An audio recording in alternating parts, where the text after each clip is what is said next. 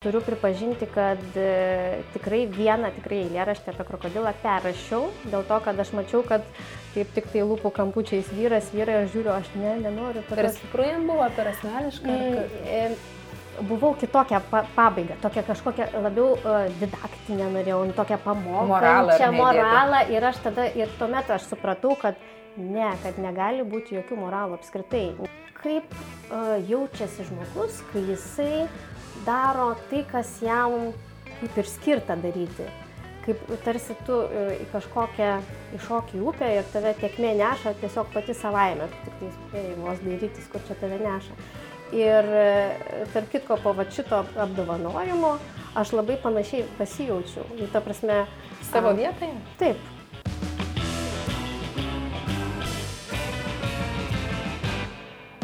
Sveiki, su jumis sveikinasi leidyklos Alma Litera podkastas knyginėjimai ir aš Vitalija Maksvytė.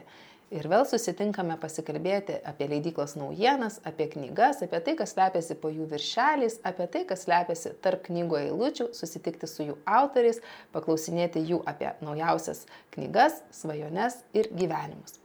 Šį kartą mūsų tema poezija skirta vaikams. Ir iš tikrųjų susidūrę su vaikiškais eilėrašiais, vaikams skirtais eilėrašiais, mes galime sulaukti pačių įvairiausių reakcijų. Nuo fui, kaip neįdomu, kaip nuobodu ir tai visiška atgyvena, iki to, kad tai yra nuostabu, tai ugdo vaikus, vaikai labai lengvai įsimena ir tai yra šio laikinė vaikų literatūros klasika. Šiandien sveikinuosi su Indre Zaleckienė. Indre, galėčiau tave pristatyti kaip rašytoja, kuri kuria vaikams ir iliustruotoja, kuri iliustruoja vaikams skirtas knygas, bet man pačiai labai norisi tave pristatyti kaip poetę. Tai pradėkime nuo to, kaip tave pristatyti, kaip tu pati geriausiai jautiesi pristatoma. Mm. Aš apie save labiausiai mėgstu pasakyti taip, kad aš tiesiog rašau eilėraščius vaikams ir piešiu pagal juos iliustracijas. Ir pavadinimas, kaip čia, profesijos įvardymas, veiklos įvardymas poetė. Mm, truputėlį kartais dar taip nejauku vadintis, bet, nu, iš principo, kadangi rašau eilėraščius, tai, na, turbūt galima vadinti poetė. Gerai, tai šiandien sveikiname su Indra Zeleckienė, kuri kuria vaikams ir yra poetė bei iliustruotoja. Indrė, visiškai neseniai, prieš keletą mėnesių, tavo knyga Kaip sutramdyti žvėryną tapo metų knyga, 2021 metų knyga sveikinu ir, na, ką pačiai tau reiškia šis apdovanojimas, šis įvertinimas? Um, na, tai iš tikrųjų didelis, didelis įvertinimas ir gal pasakysiu taip, keturilių. Žvėrinas laimingas, šėlioja ir maivos, kad buvo pagirtas už savo išdaigas. Tai va taip su žvėrinu pašėliojom, papokštavom ir bats apdovanojimas. Tai ir netikėta, ir smagu, ir labai, um, labai daug jausmų ir tokie mm, didelis gal toksai jausmas, sakyčiau, didelis dėkingumas um, visiems žmonėms, kuriuos sutikau gyvenime ir visi, visoms gyvenimo aplinkybėms, kurios, kurios mane atvedė į šitą tašką. Um, gal drąsa atsirado didesnė, drąsa bendrauti su bibliotekom apie šitą knygą, su mokyklom ir atsakomybė. Atsakomybės toksai jausmas už ateities knygas. Tarsi kartelė pakilo, ar ne? Taip, taip. Kad vat, ir ateities knygos, kad pateisintų tą pasitikėjimą, kurį gavau iš skaitytojų. O dar paminėjai um, tokį didesnį pasitikėjimą, kuris tave aplankė su šituo apdovanojimu, tai vis dėlto autoriui yra svarbus tas patvirtinimas iš išorės. Tai be abejo yra svarbus. Mane, mane e, kažkaip visą laiką labai e, nustebina tas dalykas, kad um, na, man labai patinka rašyti eilėraščius ir nu, taip, aš juos bet kokiu atveju rašyčiau. Bet visada labai nustebina, kad tai, kas tau patinka, patinka ir kitiems pasirodo. Tai toks yra, na, unikalus, tikrai labai geras jausmas. Kaip tu ir pasakėjai, kad mes čia truputį pašėliojame ir, ne, ir staiga pasirodė, kad tas šėliojimas visai Taip. Lietuvai yra tinkamas. Tai truputį pašėliojame, kaip sutramdyti žvėryną. Štai knyga šią turiu savo rankose, tikrai labai spalvinga, labai nuotaikinga, viskas čia, visko daug vyksta, vonios vanduo taškas, įgrikiai byra ar ne koinės keuros. Gali trumpai pasidalinti arba ilgai pasidalinti, kaip gimė ši knyga, ką tu jie norėjai pasakyti, kaip jinai atsirado, kaip idėja apskritai šitos knygos kilo. O čia toks platus klausimas labai, nes e, jeigu taip pirma kibirkštis, iš kur e, atsirado šitą idėją, tai iš viso nuo tokios smulkmenos, nuo, galima sakyti, mm, vienaragio paveiksliuko, kurį kažkada buvau nupiešus savo elektroniniai paveiksliukų parduotuviai. Ir um, tas vienaragis buvo visiškai nesėkmingas kūrinys parduotuviai, bet jis man buvo toks žavingas ir aš galvoju, aš jį vis tiek kažkada kur nors panaudosiu. Ir aš jį panaudojau um, spalvinimo knygeliai, miestas laukia spalvų, ten jisai tik virto jau arkliu. Uh, Ir tada aš kažkaip žiūrėjau, žiūrėjau tą arklį ir man ten kilo daug labai klausimų, kodėl jis iš viso čia yra, kodėl aš jį nupiešiau čia. Ir tada pradėjau galvoti, o ką tas arklys vat, veikia. Ten tam, pavyk, tam paveiksliuke mama įvedasi už pavadėlio ir kitoje rankoje vaiką laiko, vaiko rankutė. Ir galvoju, tai kaip tas vaikas turi jaustis, jeigu mama visur tą arklį vedžiojasi, kas čia per ta prasme, veiksmas. Ir ta pra, pabandžiau įsivaizduoti, kad vaikas atsibunda iš ryto ir tas arklys jo kambarį ir kas tada darosi. Ir vat, visiškai iš tokio atsitiktinumo gavosi e, arklio eilėraštis, kur sutilpo labai daug kas. Ir labai daug kas iš mano iš tikrųjų gyvenimo e, iš to, kaip mes gyvenom, e, kaip mes gyvenom karantino, pavyzdžiui, metu, kai, čia, kai, kai teko mokytis nuotoliniu būdu ir kaip mamai ne visada sekasi atlikti mokytojos pareigas labai sėkmingai ir kartais ir kokia knyga tada plyšta ir visokių įvairių dalykų. Tai taip gimė tas arklio eilėraštis ir aš kažkaip, kai jį parašiau, jau pagalvojau, kad čia visiškai pakanka šito eilėraščio, nu, tapšno, tai gali būti knyga. Nu, pavyzdžiui, kaip, kaip pelėdžiukas uh, Marsinkievičius. Iš namų pabėgo. Taip, iš namų pabėgo. Taip. Ir aš net skaičiavau posmelius ir galvoju, nu tiek ir yra posmelių. Taip, kadangi aš dirbau su ta knyga, tai tikrai irgi skaičiavau tada tos stulpelius, taip, nes mes su Marim ją leidom leidykloje, aš tada buvau leidinių vadovė ir skaičiavom ir aš dabar irgi vis pasižiūriu ir labai aiškiai matau, kuris eilėraštis gali tapti tokia vieno mhm. knyga, viena knyga. Ir tikrai tavo visi šitie eilėrašiai, jie turi kiekvienas atskiras siužetą, atskirus veikėjus, jie galėtų tapti tokiomis knygomis. Beje, tiems, kas neskaitė, galėtume truputį pacituoti apie tą arklį. Sutinki, leidai man paskaityti. Čia tik vienas puslapis ir pati pradžia. Arklys kambaryje. Kai kartą iš ryto pramerkiau akis, prie mano lovelės stovėjo arklys. Po vieną rupšnojo knygelių lapus, mosuodamas uodegą, vartė žaislus. Staiga, kad pašoks ir kanopam sutryps, girdžiu, jo mama beldžia man į duris. Kas vyksta, širdelė, tuoj stogas nukris, tarytum lakstytų laukinis arklys. Bet mama šaukiu, čia arklys ir yra. Prasiveria duris, įeina mama. Dabar, kai papasakoji, kad iš tavo gyvenimo, tai tikrai e, atrodo labai gyvenimiška situacija ir man pačiai labai pažįstama. Ir kaip minėjai, tai pradėjo viskas vykti arklys tapo eilėraščių karantino metu, ar ne? Taip. taip. Mhm. Ir tada nutarė, kad vis dėlto ne, ne, ne vieno eilėraščio knygelį, o... Tai iš tikrųjų, kai parodžiau projektų vadovė Audroniai šitą eilėraštį, jinai sako, okei, okay, bet reikia daugiau, turi būti rinkinys. Ir aš tiesiog su, su jie susirašinėdama per messengerį tada sakau, klausyk, o tai gal gerai tada būtų, uh, galvoju, sakau, koks dramblys, pavyzdžiui, dar galvonioj. Jo, sako gerai. Ir tada taip man pradėjo gimti tie gyvūnai, tiesiog va taip va su jie šnekantis. Uh, bėgant per visas namų kerteles, nes iš tikrųjų, e, nu, tai visiškai iš gyvenimo yra knyga. Ir a, mano mama, kai skaitė šitą knygą, sako, žinok, aš taip skaitau ir aš matau tavo namus. Sako, aš žinau, kur ten viskas, kas vyksta. Nes iš tikrųjų e, ten, kur berots krokodilo yra eilėraštis, tai ten yra grinai mano sunaus kambarys, lova spinta, uh, tik tai jisai, kai šitą iliustraciją pas, pažiūrėjo, sako, bet pas mane nesimėto pakabos taip. Taip, nes čia yra ta pakaba. Mhm. Taip. Bet koinės mėtosi, galima suprasti. Um, ne, koinės, ir koinės irgi nesimėto. tai va. Tai ir ši, įdomu, kad ir jo vienas mūsų kaimynas, kuris yra vieną kartą buvęs tik tai jo manto kambarį, irgi atsivertė šitą knygelę, sako, čiagi manto kambarys, sako. Tai, tai taip. Ir dar kur yra dramblys vonioje, tai ten yra ir mano vonios pintelė. Mm. Tai leidi savo, ar ne, namus perkelti drąsiai į knygas. Ir kaip su to jaučiasi tavo šeima? Tai visiškai normaliai ir e, sunus, pavyzdžiui, ir pasiūlė, tarkim, kokiom spalvom būtų galima nudažyti vonios pintelę, nes aš labai ilgai prie jos sėdėjau, jinai pas mus namuose yra balta. Um, ir jisai žiūrėjo, žiūrėjo, sako, aš sako, tai tau parodysiu, kokia gali būti pintelė ir perėmė iš manęs planšetę, žodžiu, ir tiesiog pasiūlė tokią dryžuotą ir aš taip galvojau, wow, super, tokią ir palikau, kaip jisai pasiūlė. Tai va, mes esame visiškai bendrautoriai. Vienas iš mano klausimų, kurį buvau nukėlus labiau į pabaigą, bet užduosiu dabar, tai e, kiek tavo sūnus dalyvauja, ne, dabar jau apie iliustracijas atsaky, bet ir teksto kūrimo procese, kiek tu jį trauki? Tai jis yra pirmas žmogus, kuris išgirsta e, tuos tekstus ir aš sakau, nu sakau, gerai, dabar paklausyk. Ir su žvėrinu buvo lygiai visiškai taip pat, ir aš jam skaičiau, ir aš žiūrėjau, kokia bus reakcija.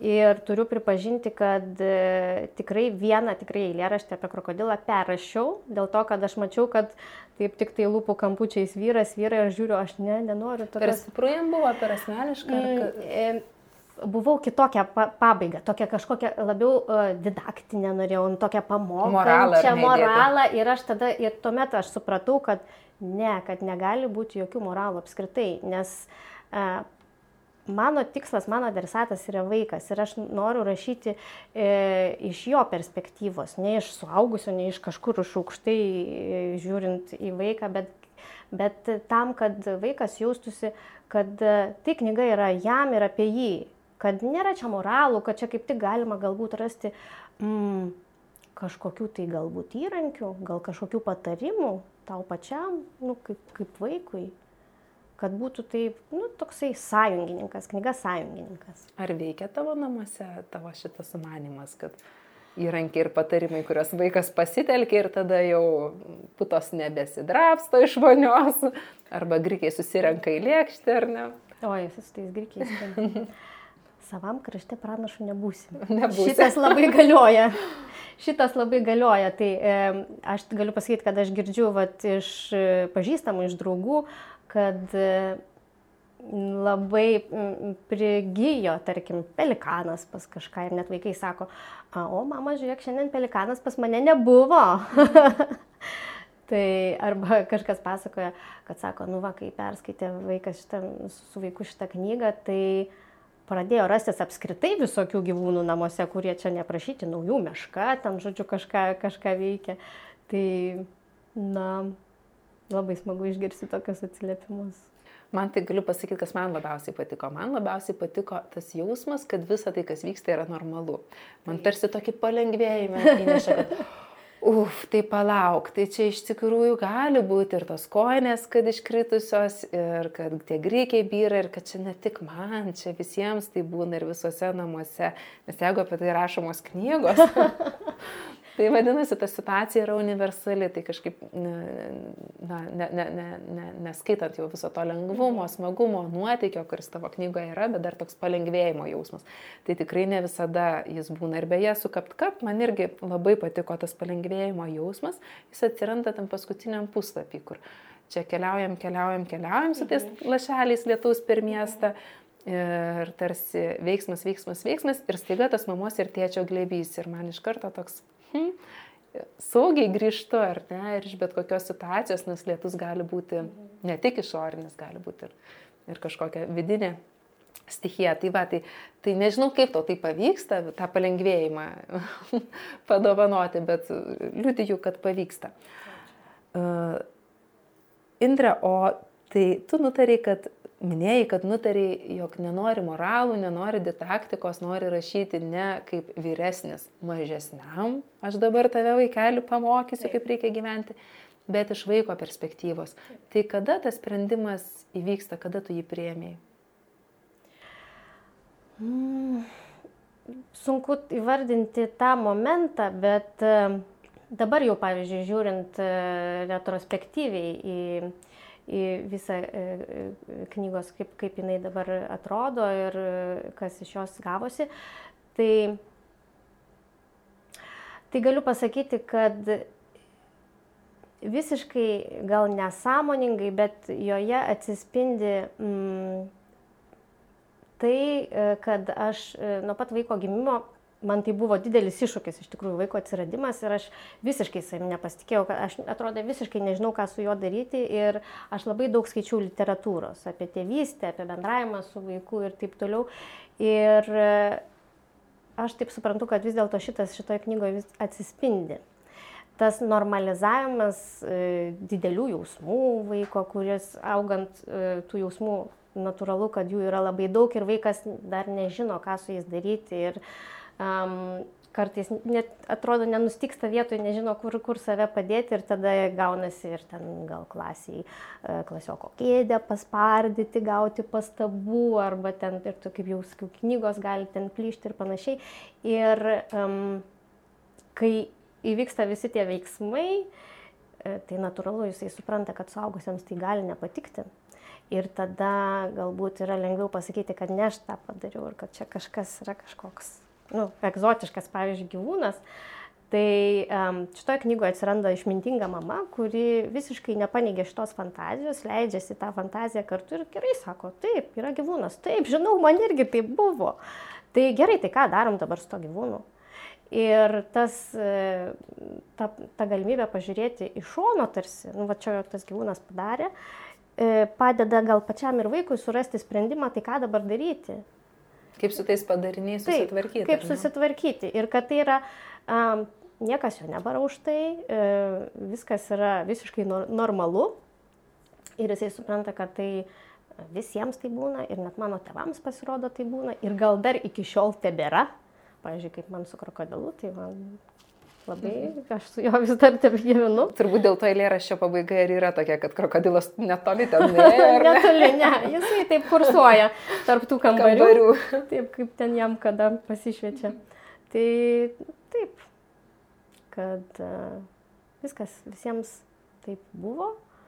Ir, ir, ir dar suaugusiems irgi tokia perspektyva, kad uh, na, galima, yra labai daug įrankių pažiūrėti žaismingai į tam tikras situacijas, į kažkokias problemas, ten iššūkius ir, um, ir nesugadinti savo ryšio su vaiku, o gal kaip tik jį sutvirtinti.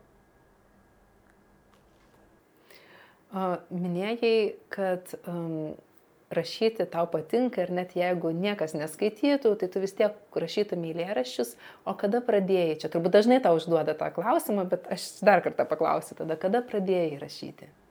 Pradėjau pradinėse klasėse, tiksliai neatsimenu kokioje, bet jau būdama devyniarių metų jau turėjau sąsvinius prirašytus eilėraščių, vienoje, pusla, vienoje pusėje būdavo eilėraštis, kitoje būdavo iliustracija. Ir Taip, nuo pradinių, nuo pradinių klasių, tada atsimenu, mokytojai parodžiau pirmą savo eilėraštį apie kačiuką. Ir e, man tai atrodė visiškai natūralu, aš galvau, kad turbūt gal visi rašo tos eilėraščius. Bet uh, mokytojai matyti taip netro, nepasirodė, nes tada mano gyvenime atsirado Sigitas Poškus. Ir aš pradėjau pas jį, pas jį lankytis, nešti jam savo kūrybą, jisai ten braukydavo kažką, kažką pataisydavo, kažką aptardavo, išmokė mane uh, atsikratyti visokių žodelyčių, šiukšlyčių, kad nereikia e, pritempinėti, tarkim, e, kažkokiais žodelyčiais, šiukšlyčiais, e, kad rimas gautųsi, kad ritmas, kad nu, nereikia to daryti, kad reikia grininti, švarinti kalbą ir vat. Ir kiek laiko jūs taip dirbate? Aš tiksliai dabar neatsimenu kiek, bet tada Tada prasidėjo ir visokie literatų konkursai, poezijos pavasariai, ten almanakuose spausdindavo tos um, mano eilėraščius periodiniai spaudoj, žurnaluose. Nu kažkaip, man atrodė tuo metu visiškai savaime suprantamas dalykas ir e, po kurio laiko, tada kai aš jau pasukau gyvenime visai į kitą pusę, aš vis prisimindavau tą laiką ir galvodavau, tai vad, kaip jaučiasi žmogus, kai jisai daro tai, kas jam kaip ir skirta daryti. Kaip tarsi tu e, į kažkokią iššoki į upę ir tave tiekmė neša tiesiog pati savaime, tu tik tai spėjai vos dairytis, kur čia tave neša. Ir tarp kitko, po va šito apdovanojimo aš labai panašiai pasijaučiau. Nu, ta prasme. Savo vietoje? Taip. Taip. Kad... Linkiu, kad taip ir būtų, tau kuo ilgiau. Ačiū. Ačiū. Tai buvai pametusi save poetė, ar ne? Nes e, pradžioje klausiau, kaip tave pristatyti. Rašytoja, autorė, poetė, sakai, poetė man būti taip truputį kažkaip nejauku, nedrasu. Bet iš to, ką pasakojai jaunystėje, vaikystėje, tai visai puikiai jautėsi tame amplua. Ir paskui Pametėjai, pametėjai tą dalį, ar ne? Ar, ar e, aš rašiau visą laiką iš tikrųjų, tik tai tiek e, vaikystėje, matyt, tai, nu, kadangi tai buvo, nebuvo dažnas reiškinys vaikas rašantis į lėraščius, tai kažkaip labai gavau daug, daug dėmesio. Paskui paauglystėje prasidėjo kitokie lėraščiai, ten iš vidaus visokios juodos, ten mintis ir taip toliau. Ir e, tada atsimenu, gavau, buvau gavusi pastabą, kad geri lėraščiai tai yra kad geri poetai daug labai skaito ir domisi ir jie ne, ne iš čia vidaus kažkokį leidžia savo emociją, bet, nu, žodžiu, čia jau, jau visas tada mm, akiratis čia turi pasimatyti tose eilėrašiuose ir aš kažkaip, nežinau, gal pakako man tada tos frazės ir aš, aš kažkaip... Kompleksavai tai, truputį? Gali būti. Ir aš, aš net negalvojau iš tikrųjų, kad tai gali būti kažkokia tai ateities kaip ir veikla mano. Aš rašiau tos eilėraščius, aš jų niekada nenustojau, bet um, tuomet jau rašiau uh, artimiesiems gimtadienių progą, arba ten kokios draugės buvo mergvakaris, mergvakario proga. Nu, tiesiog tokius uh, kelioms draugėms tai iš viso uh, reguliariai tik tai gimtadienis ir Nu, ir iškart siunčiu eilėraštį ir jau žinau, kartais, taip, aha, gimtadienis, galvoju, kažkaip jau tingsta eilėraštį, bet galvoju, negaliu nutraukti tos tradicijos. Tai jo, rašiau visą laiką. Rašiau visą laiką ir um, kaip uh, čia neseniai um, kalbino E, kalbino mane straipsniui, kad at, dabar atgimsta, žodžiu, ta poezija, vaikų čia poezija. Aš, man buvo labai keista, nes man atrodo, jinai niekur nebuvo dingus, nes aš, nu, aš pati vis tiek visą laiką rašiau. Bet aišku, vaikams, vaikams pradėjau rašyti, tiksliau grįžau prie rašymo vaikams. Na, tik tai prieš trejus metus. Ir kas įvyko tada, kad grįžai prie rašymo vaikams? Kas tave paskatino, įkvėpė? Ta mintis kada nors parašyti knygą vaikams, tai jinai sukosi kažkur fone labai seniai. E, gal jau daugiau negu prieš dešimt metų, nes e, kažkada radau savo senus užrašus, kur rašiausi savo svajones ir ten, žodžiu, reikėdavo peržiūrėti kas kažkiek tai metų, kurios jau įsipildė, kurios neįsipildė ir aš taip atsiverčiu ir čia, čia vienas, čia kitas ir taip, o parašyti eilėraščių knygą vaikams. Ir galvoju, aš buvau, nu, buvau pamiršus jau, kad buvau tą parašius. Ir, bet mat, kažkur tai, e, kažkur tai fone visada buvo, visada buvo tas noras. Ir tada, kai, kai pamačiau skelbimą uh, Mažvido bibliotekos uh, šitam knygai vaikams, mažiems, nuo, nuo gimimo, aš tada pagalvojau, nu tai dabar arba niekada.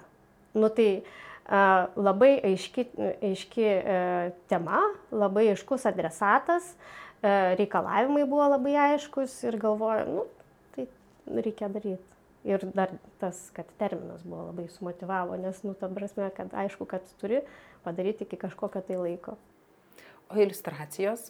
Tai irgi nuo pat pradžių, kaip mini, atsirado eilėraštis vienam puslapyje, iliustracija kitam puslapyje. Ir tu visą laiką toliau e, dirbai su iliustracijomis, ar vis dėlto irgi buvo kažkoks pertraukis ir tada grįžai prie jų?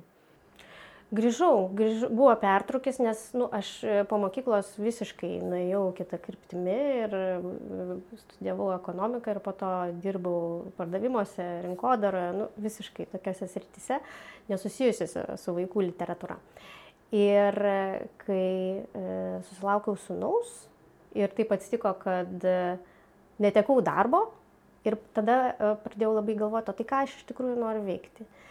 Ir tada pradėjau piešti, bet piešti ne vaikams, aš piešiau mados iliustracijas, kulinarinės iliustracijas ir taip toliau, o mano sunus vis ateidavo, nes tuo metu dar nydavo darželį ir sakydavo, ką tu čia mama pieši, nupieš man mašinytę.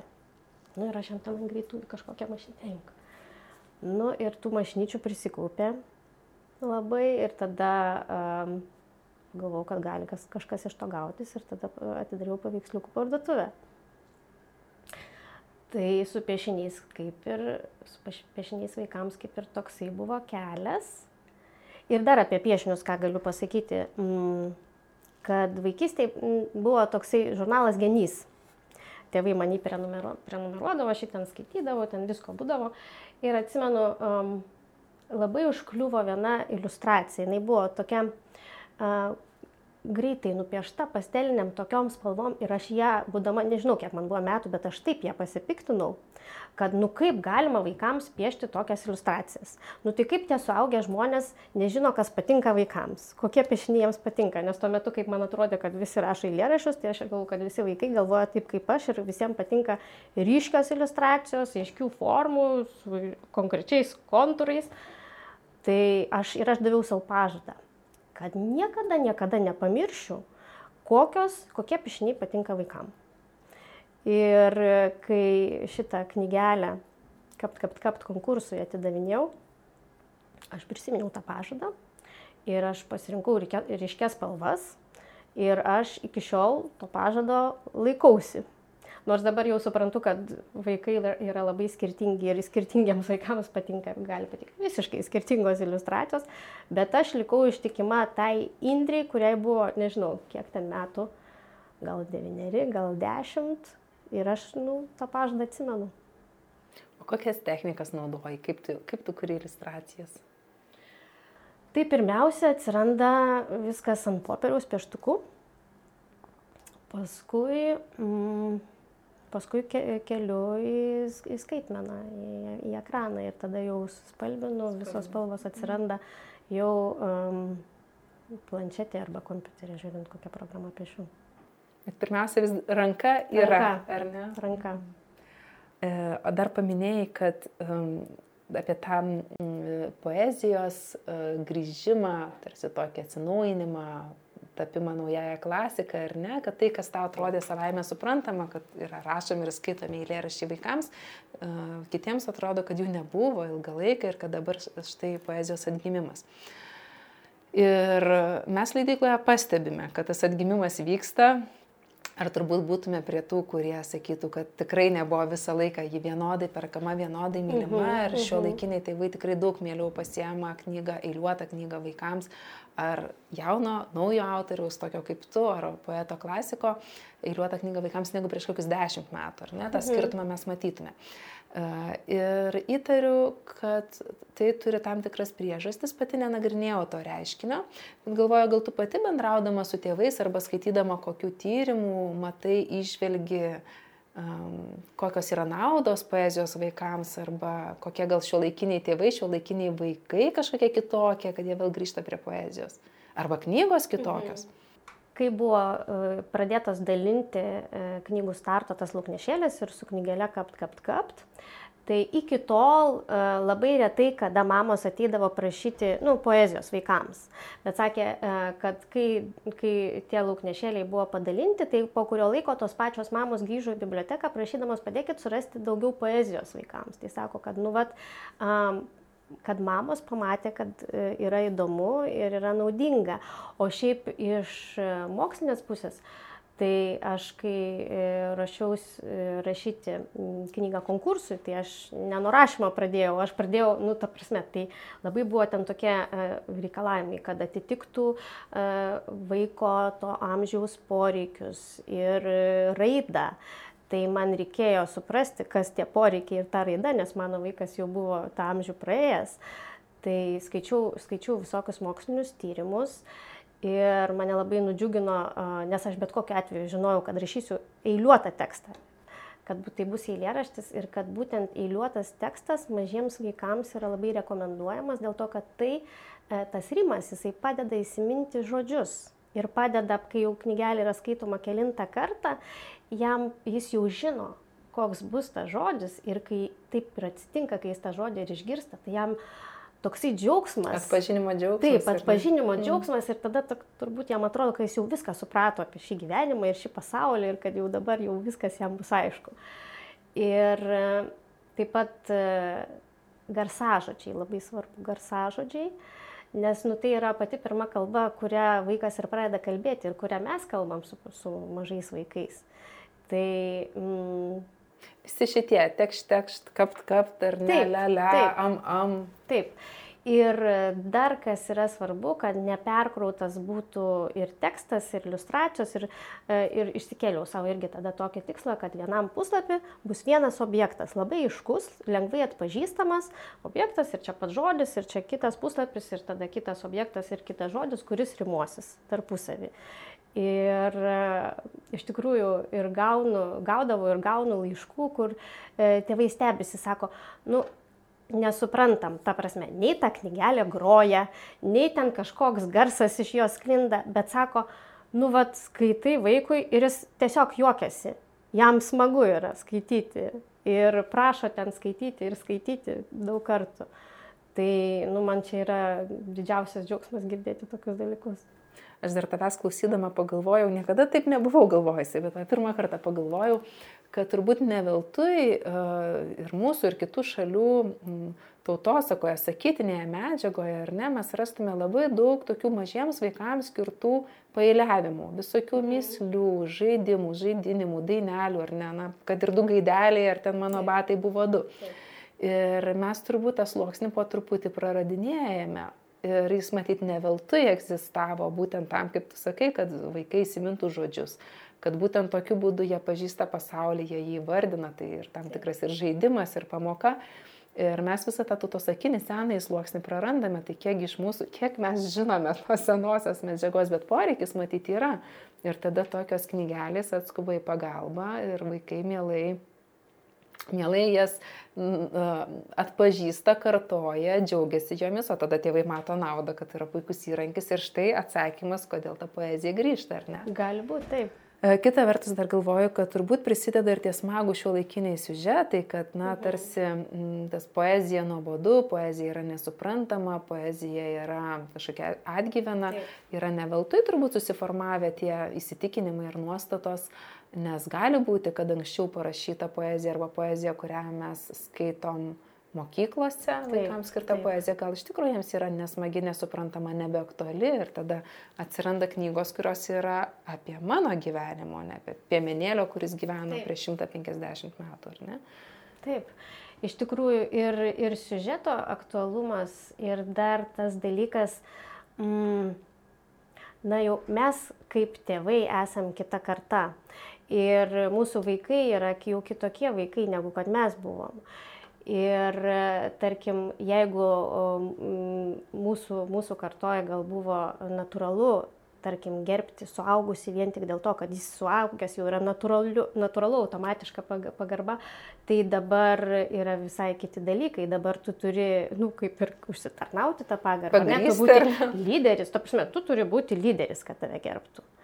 Ir tai natūralu, kad ankstesnės kartos uh, E, eilėraščiuose, rašy, poetų eilėraščiuose, tai turbūt ir atsispindi ankstesnės auklėjimo kažkokios tradicijos, kurios jau dabar vaikams yra visiškai tolimos ir svetimos.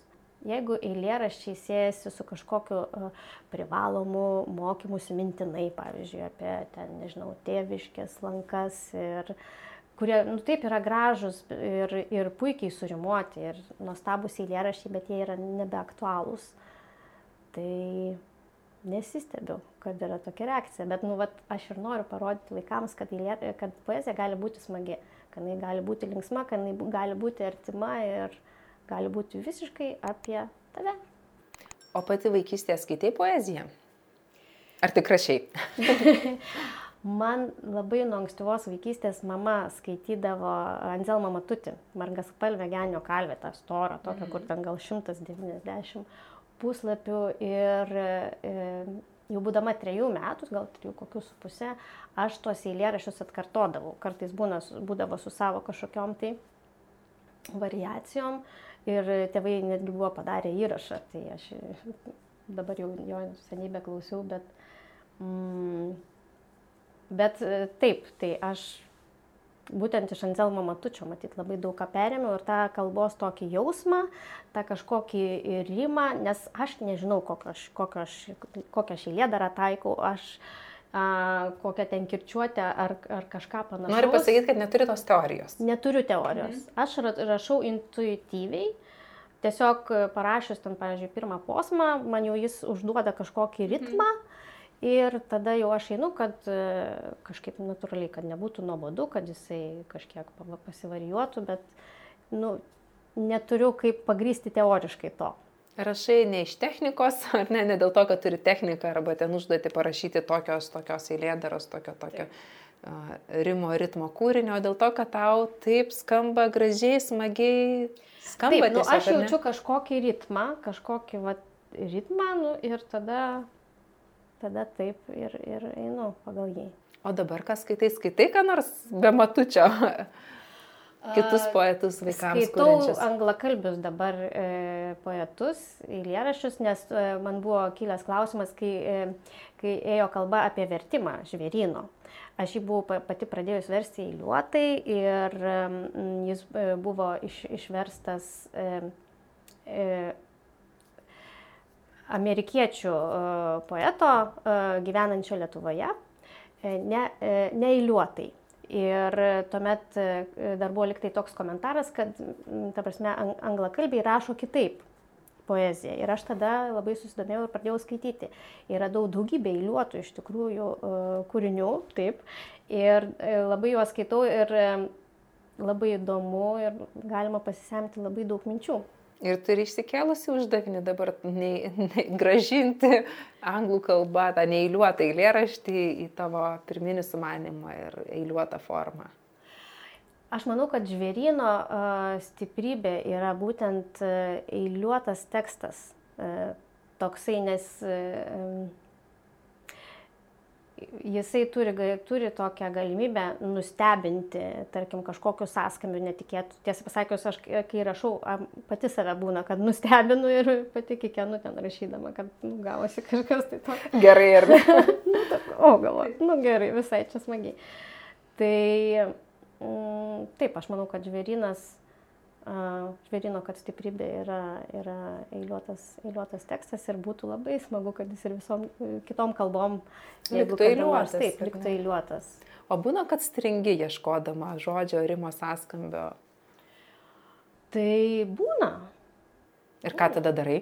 Tai tada padedu iš šoną ir tada kitą dieną vėl pasiemu. Neguglini. Kad neguglini žodžių tokių, kokiu nors, kad žodyną atsiversti ir paieškoti, arba apklausas padaryti, ei, sekėjai. Kas... Turiu, turiu susirašęs, turiu tokį failą, kur e, kartais būna susirašau žodžius, kurie galbūt galvoju, kada nors man pravers pavyzdžiui, ateityje.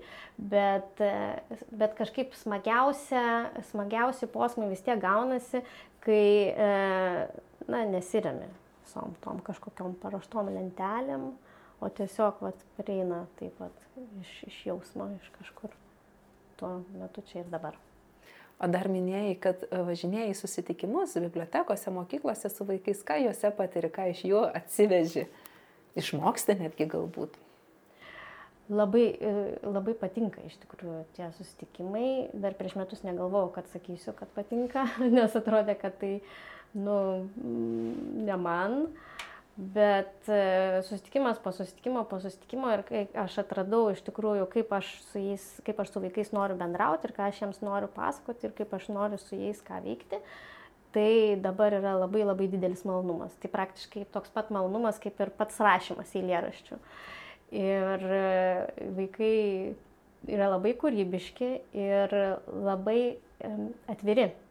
Ir labai yra lengva iš karto suprasti, pataikiai, nepataikiai. Tai labai smagu dirbti su tokia, su tokia auditorija. Ir taip, būna ir įvairių idėjų, ir būna um, klausimų, būna pasiūlymų, būna prašymų, parašykit knygą, pavyzdžiui, eilėraščių apie vilkolakius. tai, nu, reikės pagalvoti, ar čia galima kas nors su to padaryti. Tai, mm, jo, ir būtinai atvažiuokit dar kartą labai smagu.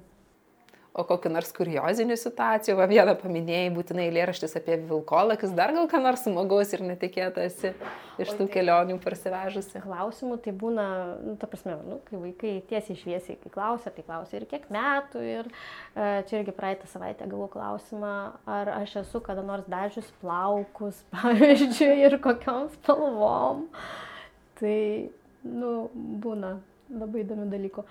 Arba irgi buvo atvejis, mokykloje vienoje pasantrokos buvau praeitą savaitę ir, žodžiu, mokytoja po sustikimo nu, nusprendė man padovanoti um, sėkmės talismaną, žodžiu, rašiklį ten taip gražiai įpakuotą, nu, ir, žodžiu, čia kad toliau čia tos knygos rašytųsi. Ir uh, kai jinai man padovanojo, aš čia patiekojau, um, ateina mergaitė su savo parkeriu, mergaitė ukrainietė buvo vienintelė toj klasiai ir jinai man tiesia tą parkerį. Ir mokytos padėjėja sako, jinai jums nori padonoti ir savo parkerį, jinai taip sužavėta, kad sako jums, o sakau, jinai turės su kuo rašyti, jis turi antrą, sako, tiesiog, nu paimkite tą parkerį. Gerai, aš paėmiau, ačiū labai, ateina kita mergaitė su pieštuku. Aš turiu tos, aš žinokit, jos nešiojasi. Ir, va, galiu. Tai parodyti. kiek prisirinkai? Va, tris. tris iš tos klasės gavau. Va, parkeris šitos mergaitės, tada pieštukas, va, Klaipėdos vaikų laisvalaikio centras ir dar kitame, ir dar rašyklė. tai va, tai man čia tokie suvenyrai labai brangus. Dovanos vaikų, Taip. ar ne? Ir keliauji plačiai, buvai Klaipėdoje. Taip. Tai po visą Lietuvą važinėjai. Taip. Ir jau malonu. Malonu. Važiuoji, vairuoji pati, Taip. kaip tu ir grįžti visada namo, ar lieki dar patyrinėti tų miestų. Tai e, žiūrint kaip kur, jeigu tai yra, nu, Klaipėda aš pati kilus iš Klaipėdos, tai tikrai nepraleidžiu progos aplankyti mamą ir jeigu tai sutampa su savaitgaliu, tai praleisti ir visą savaitgalį. Tai keliauti panašu tau patinka. Taip. Ar buvai jau su savo kūryba išvykusi į užsienį lietuvių bendruomenės? Ne, ne, nebuvau. Tai labai linkiu tau parsivežti dar parkerių ir pieštukų iš Vokietijos, Britanijos, Airijos, Australijos. Ir kad tie eilėraščiai taptų, kaip ir sakė, kitomis kalbomis neprarastų to savo lengvumo ir to rimo Ar kad su lietuviškom versijom pakeliautum. O dar noriu paklausti, rašyti rašai, leisti leidi, o skaityti ar skaitai ne poeziją, bet šiaip knygas, grožinė, negrožinė literatūra saugusiems. Ir kokia tu esi kaip skaitytoja, ką renkiesi? Labai įvairiai, labai įvairiai. E, skaitau dalykinės literatūros nemažai, skaitau grožinės, nu, žiūrint, kartais būna tiesiog užstringi ir uh, būna kažkoks visiško neskaitimo laikotarpis ir tada galvoju, kaip čia, su kuo čia pramušti, su kuo čia pramušti ir tada kas nors parekomenduoja kokią nors knygą, kuri, pavyzdžiui, tikrai apsiverksi, kai perskaitysi, tarkim, arba ten kelias. Nu, tai gerai, tada skaitau. Tai um, įdomus atvejis buvo, pavyzdžiui, kai tik prasidėjo uh, karas Ukrainoje, tai nieko negalėjau skaityti ir uh, Aš kiekvieną vakarą stengiuosi su sunum paskaityti ten kažko, kažkokią tai knygą ir mes tuo metu baiginėjom vaikišką knygą apie sniego žmogų, ten kažkas, kuris žaisliukas ten tampa tikrų sniego žmogum. Ir tai, prasme, tai visiška vaikiška, e, linksma, kaip ir turėtų būti knyga, bet tuo metu aš pajutau, kad uh, tam tikri dalykai, kurie anksčiau, kuriuos netkreipdavai dėmesio, tiesiog labai pradėjo dirginti. Pavyzdžiui, kažkas e, pasigirdo trenksmas arba ten, tarkim, prabudo vaikas iš ryto ir išgirdo, kad ant stogo e, kažkoks įvyko trenksmas ir gal nusileido parašiut, parašiutininkas. Aš nebegalėjau skaityti. Per stipru buvo. Per stipru buvo, tai buvo taip. Mhm. Ir e, tuo metu neturėjau nieko, atsimenu, po ranka ir sakau, žinai, kažką kito skaitom, ką čia skaitom, ką čia skaitom. Ir um, buvo Grajausko viena rinktinė, sakau, pasiemam, paskaitom, nors nusuaugusiems viską. Ir galvoju, kažin, kaip kokia čia bus reakcija. Ir skaitėm garsiai Grajauską. Ir tiko. Ir, ir tiko. Ir, ir taip. Ir netgi aptarinėjom po to. Ir, nu, tai buvo, nu, va. Atradimas. Toks, Atradimas, taip. Ir, nu, ta prasme, tas skaitimas labai... E, ką skaitai, labai priklauso nuo, nuo daugelio dalykų. O galėtum pasakyti tris savo gyvenimo knygas? O jie tavo tris gyvenimo knygas. Gyvenimo. Anzelmas Matutis, Margas Palvegenio kalvė. Tai tikrai čia tokia pati pirma knyga. Gyvenimo taip gal negalėčiau, galbūt galėčiau pasakyti pas, paskutinės knygas tokias, kurias ne po vieną kartą atsiverčiu, kur vis grįžtų ir grįžtų ir grįžtų. Tai um, viena iš tų knygų, tai tokia stalo mano kaip yra e, knyga, e, Fionos Waters rinkinys sudarytas Tiger Tiger Burning Bright. Ten yra um, rinktinė eilėraščių eilėraščiai apie gyvūnus kiekvienai metų dienai. Tiesiog su datom yra ir ten skirtingų autorių surinkti, surinkti eilėraščiai, tai va, atsiverti. Šiandien, pavyzdžiui, buvo City Bees apie miesto bites eilėraštis. Tai, nu, va, šita tokia stalo knyga. Ir kita knyga, dabar tik neatsiminsiu autorės, yra uh, prieraišusis žaidimas apie, apie tai, kaip mėgsti ryšį su vaiku per žaidimą ir kad tai yra ne tik ankstyvųjų metų uh, užsiemimas gali būti, bet tai gali tęstis labai ilgai. Ir, uh, nu, vat, ir prie šitos knygos labai dažnai irgi grįžtu. O pasakiau tris. Tris pasakyk. Gerai. O trys mėgstamiausi eilėraščiai gali būti saugusiams, gali būti vaikams. Mm, eilėraščiai. Nu tai vėlgi šiandien nuo matučio um, eilėraštis uh, Vilko uoga kuris, nu toks dabar, kai aš jį skaitau dabar, dabartiniam akim, nu galvoju, o jo, okei, okay. ten gal net ir atsiminčiau mintinai pasakyti. per pelkyną, per kimsuotą vežė vilkas uogą nuodą, o ta uoga, o joda, kas suvalgys, tam bėda. Tam pilvilką gelt pradės, tam skaudės lik pat širdies. Su ta uoga vilkė dink ir nesidairyk aplink. O vaikystėje pakeisdavau, pakeisdavau ir nesidairyk pas žmonės. Nes nu, kažkaip aplink taip nekonkretu buvo. Norisi konkretumo visur. taip, jo. Tai šitas, ja, to dar du eilėraščius. Mhm. Nu, kad gal ir nepasakysiu dabar taip greitai. Tada gal gali konkrečiai, mėgsti konkretumą ar ne, pakeisti aplinkį pas žmonės. Tai gal turi kokiu nors konkrečių patarimų tėvams, kaip prisijaukinti poeziją su vaikais. Ką žinau, tiesiog skaityti, skaityti garsiai, skaityti kartu. Nuo ko pradėti? Matyti, nuo ko pradėti?